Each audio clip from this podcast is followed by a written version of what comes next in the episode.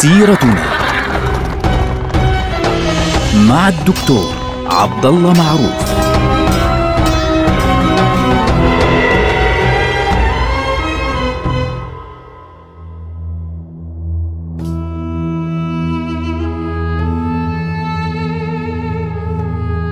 السلام عليكم ورحمة الله وبركاته. سيرتنا سيرة هذه الأمة ونحن الآن في عهد الدولة العثمانية أو تحديدا في نهاية عهد الدولة العثمانية ومع نهاية الحرب العالمية الأولى. عام 1918 حمل للدولة العثمانية أخبارا غير سارة منذ البداية. كانت الدولة العثمانية تتساقط منها الأراضي واحدة تلو الأخرى. في ذلك الوقت الصعب الذي مر على الدولة أيضا يعني توفي السلطان عبد الحميد الثاني وتوفي بعده بعدة أشهر في السلطان عبد الحميد الثاني شهر اثنين في شهر سبعة توفي السلطان محمد رشاد واستلم الحكم السلطان محمد وحيد الدين الذي وجد نفسه فعليا أمام دولة تتساقط وتنهار وتسقط أمام حرب لا تبقي ولا تذر. فاستلام الحكم عند السلطان محمد وحيد الدين كان في بداية شهر تموز. يعني أول ثلاث أشهر هذه اللي شهر سبعة وشهر ثمانية وشهر تسعة وشهر عشر أربع أول أربع أشهر يعني على الأصح. كان السلطان محمد وحيد الدين يحاول أن يلم شعث البلاد يحاول بقدر الإمكان أنه يجمع هذه البلاد ويوحدها مرة أخرى ويحاول أن يستعيد ولو جزء من الأراضي التي سقطت بيد القوات البريطانية والقوات الفرنسية والتي سقطت بيد القوات الروسية وغيرها من القوات. هذا الرجل كانت في زمنه الأمور يعني في في منتهى الصعوبة وفي منتهى الشدة. كان الأمر صعبا جدا. الأمر لم يطل كثيرا منذ استلام السلطان محمد وحيد الدين الحكم. في الثلاثين من شهر أكتوبر من عام 1918 تم توقيع هدنة مدرس هذه الهدنة هي التي بموجبها انتهت مشاركة الدولة العثمانية في الحرب العالمية الأولى. يعني الدولة العثمانية بقيت تحاول أن يعني تقاوم لكن في النهاية لم تستطع. فخرج وفد فعليا دون استئذان على يعني تذكر بعض الروايات أنهم لم يستأذنوا السلطان نفسه على فكرة في الخروج الذي يهمنا هنا. هذه المعاهدة حدثت من ناحية الدولة العثمانية بين وزير الشؤون البحرية العثماني اللي هو اسمه رؤوف أوربايبك والأميرال البريطاني سومرست آرث جوف. وهذا جوف كان مسؤولا عن منطقة البحرية القوات البحرية البريطانية في منطقة يعني الدردنيل وما حولها. هناك في ميناء مودروس في اليونان على متن سفينة. السفينة اسمها HMS أجاممنون هذه السفينة على متنها استقبل الأميرال سومرست آرثر جوف الوزير العثماني رؤوف أورباي وعرض عليه شروط هذه الهدنة. هذه الهدنة كانت شروطها مذلة بكل ما تحمل الكلمة من معنى. الشروط الأساسية كانت استسلام العثمانيين يعني وتسليمهم لكافة المواقع التي كانوا يسيطرون عليها والتي ما زالت يعني في أيديهم خارج الأناضول إضافة إلى مضيق البوسفور والدردنيل الذي أصبح يسيطر عليه الحلفاء في ذلك الوقت يعني الحلفاء دخلوا فعليا في إسطنبول العاصمة في ذلك الوقت. وبموجب هذه المعاهدة أو هذه الهدنة تم تسريح الجيش العثماني. شو يعني تسريح الجيش؟ يعني تم إعفاء الجيش العثماني بالكامل من الخدمة. خلاص. كانت هناك شروط تمليها إنجلترا. يعني تقول عليكم أن توافقوا على كذا وعليكم أن تفعلوا كذا. والوزير العثماني اللي هو رؤوف اوربايبك يقول حاضر لا نستطيع أن نقول غير ذلك. كانت هذه الشروط كالتالي. أول شرط كان تسريح الجيش العثماني بالكامل. وأن توضع رقابة كاملة من الحلفاء على الإذاعة وعلى الطرق والسكك الحديدية وعلى التلغراف في داخل الدولة العثمانية بحيث يسيطرون على وسائل التواصل بالكامل في الدولة العثمانية. الشرط الثاني كان احتلال مضيق البوسفور واحتلال مضيق الدردنيل وحرية مرور السفن الحربية التابعة للحلفاء من بينها يعني بين البحر الأسود والبحر الأبيض المتوسط صاروا يتحركون بكل حرية. إضافة إلى ذلك كان هناك شرط باستسلام القوات العثمانية في كافة الولايات خاصة الولايات العربية وتحديدا كان العراق بالدرجة الأولى لأنه هو الذي كان في ذلك الوقت يقاومون فيه العثمانيون. وكان في سوريا طبعا كانوا خلص انسحبوا إلى مناطق بعيدة لكن بقوا موجودين في شمال العراق وتحديدا في الموصل. وبالتالي كان هناك شرط بانسحاب هؤلاء هذه القوات واستسلامها بالكامل. إضافة إلى استسلام وانسحاب القوات العثمانية في كل ما يسيطرون عليه من كل الأرض التي يسيطرون عليها ما وراء بحر القوقاز أو منطقة القوقاز كاملة الانسحاب بالكامل إضافة لاحتلال مدينة باكو اللي هي في وسط آسيا. واحتفاظ الحلفاء كما ذكر في النص أن الحلفاء يحتفظون بحقهم في احتلال أي مواقع استراتيجية داخل الدولة العثمانية إذا ما تم تهديد الأمن والسلام الخاص بالحلفاء. يعني إذا شعر الحلفاء أنه يعني أنهم مهددون يمكنهم أن يحتلوا حتى إسطنبول داخلها بالكامل دون أي مشكلة. إضافة إلى إعادة أسرى الحرب التابعين للحلفاء دون أي شروط وبقاء الأسرى العثمانيين تحت تصرف الحلفاء. يعني كانت شروطا مذلة كانت شروطا مذلة بكل ما تحمل الكلمة من معنى. كانت شروطا صعبة قاسية. وصلت الأخبار إلى السلطان محمد وحيد الدين.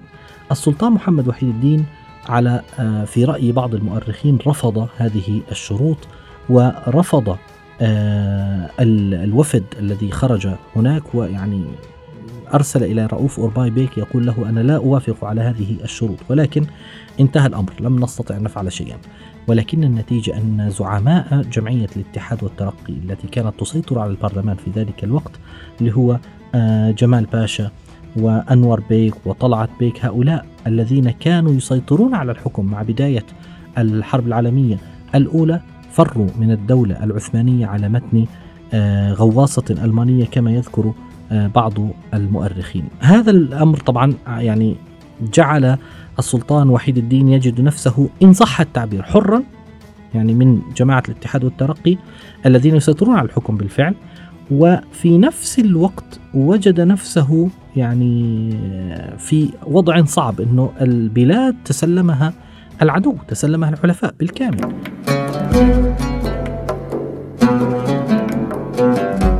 فكان الوضع صعبا جدا. يعني وصل الأمر فعليا أنه واحدة من هذه الشروط كما قلنا أنه بإمكانهم أن يحتلوا أي منطقة داخل الدولة العثمانية براحتهم كما يريدون.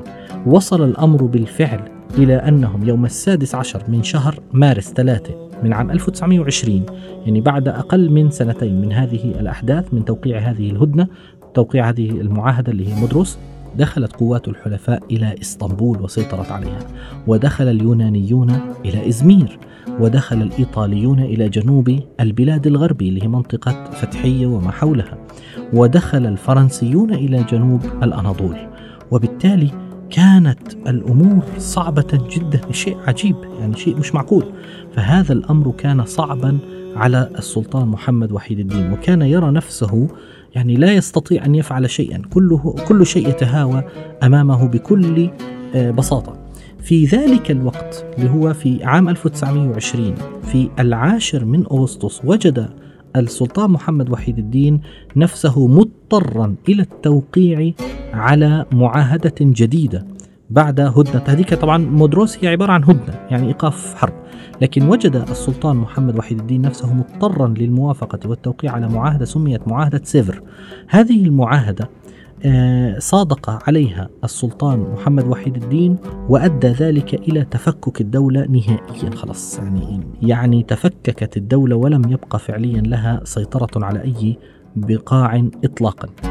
هذه المعاهدة على ماذا تنص؟ هي تنص على توزيع مناطق النفوذ، توزيع مناطق النفوذ التي يسيطر عليها كل واحد من هذه البلاد. فرنسا على سبيل المثال أخذت منطقة نفوذ كاملة. آه، غازي عنتاب أورفا مارتين آه، أضنا ديار بكر كلها حتى سواس كانت منطقة نفوذ فرنسي تم تقسيمها بالكامل. آه، كما قلنا اليونان أخذت منطقة إزمير بالكامل. إيطاليا أخذت منطقة منطقة نفوذ واسعة. فعليا اللي هي آه، بعض الجزر الموجودة أيضا يعني تم تسليمها بالكامل للدولة الإيطالية. هناك في ذلك الوقت وقعت منطقة المضائق بالكامل يعني أصبحت خارج حدود السيطرة العثمانية بشكل كامل. اليونان أخذت منطقة تراكيا بالكامل كلها. وجزر أمبروس وتينيدوس وجزر خليج مرمرة بالكامل كلها وأيضا أرمينيا حتى أرمينيا التي كانت تتبع الدولة العثمانية في ذلك الوقت أخذت أرمينيا استقلت طبعا وأخذت جزءا من الأراضي آه، اللي هي ميناء طرابزون على سبيل المثال أخذته بالكامل. وهناك في هذه المعاهدة وقع العثمانيون طبعا محمد وحيد الدين اضطر للتصديق على ذلك وقع العثمانيون على الموافقة على نتائج مؤتمر كان قد أقيم قبل هذه المعاهدة بعدة أشهر سنتكلم عنه في محاضرة خاصة وهو مؤتمر سان ريمو الذي بموجبه تم تحديد ما يسمى بفكرة الانتداب فعليا على مناطق البلدان العربية. هذه المعاهدة أثارت مشاكل كبيرة جدا في تركيا حيث تسببت بانفصال حركة ظهرت في ذلك الوقت بقيادة مصطفى كمال. اللي هو مصطفى كمال أتاتورك على فكرة المعروف الذي أنشأ تركيا. كان اسمه طبعا قد ظهر في حرب طرابلس سابقا ثم ظهر في حرب فلسطين كان مسؤول عن منطقة نابلس. والآن ظهر أيضا في معركة تشانكلي والآن هو يعني صار يقود حركة سماها الحركة التركية الوطنية انشق فعليا عن الباب العالي وأعلن انشقاقه عن السلطان وعن الحكومة. هناك وأقام برلمانا في أنقرة في شهر إبريل من عام 1920 في ذلك الوقت تسبب ذلك فعليا ب يعني انشقاق كامل كبير داخل القيادة التركية. يعني صار في عندنا الآن آه، مشكلة. هي هذه أي حكومة هي التي تحكم؟ هل حكومة البرلمان الموجودة في أنقرة أم الحكومة التي آه، يقودها آه، محمد وحيد الدين ومن معه. محمد وحيد الدين على فكرة كان قلبه في هذه المرحلة مع مصطفى كمال. يعني هو صادق على هذه المعاهدة رغما عن أنفه لأنه لا يستطيع أن يفعل شيئا لأنه مجرد من كل شيء، مجرد من كل قواته لا يستطيع أن يفعل شيئا. ولذلك تذكر في بعض القصص المشهورة في التاريخ التركي الحديث أنه استدعى مصطفى كمال فعليا إلى قصر يلدز واجتمع به في قصر يلدز وذهب بعد ذلك مصطفى كمال باتجاه آه، منطقة شمال الأناضول لاحقا. الذي يهمنا هنا في هذه المرحلة الحكومة التركية أرسلت بعد ذلك بعد كل هذه المشاكل التي حدثت في داخلها أرسلت مذكرة إلى الحلفاء وقالت فيه إن تصديق مجلس النواب البرلمان غير معقول. مستحيل. لماذا؟ لأن البرلمان أصبح الآن هناك برلمانان. فعليا هناك نواب عن آه، بيتبعوا فعليا ما يسمى بالنظام القديم الذي كان يمثل فعليا في الصدر الأعظم ويمثله إلى حد ما محمد وحيد الدين الذي لا يرى نفسه جزءا منه في نفس الوقت ويرى نفسه أقرب إلى الطرف الآخر اللي هو مين؟ الحركة التركية الوطنية التي كان يقودها في ذلك الوقت مصطفى كمال فبالتالي مصطفى كمال كان عنده أيضا برلمان وبرلمان قوي وكان له تأييد شعبي كبير لأنه رفض هذه المعاهدة المذلة ولذلك لم يتم التصديق على هذه المعاهدة فعليا فعليا من مجلس النواب العثماني لأنه انتهى الأمر فعليا في ذلك الوقت. الذي كان يهمنا أن هذه المعاهدات كانت نهاية الحرب العالمية الأولى وبعدها مباشرة طبعا حدثت معاهدة فرساي التي آه، أنهت الحرب بشكل كامل والتي استسلمت بموجبها ألمانيا وغيرها من المناطق وهكذا كانت نهاية الحرب العالمية الأولى نهاية حقيقية للدولة العثمانية. نلقاكم على خير والسلام عليكم.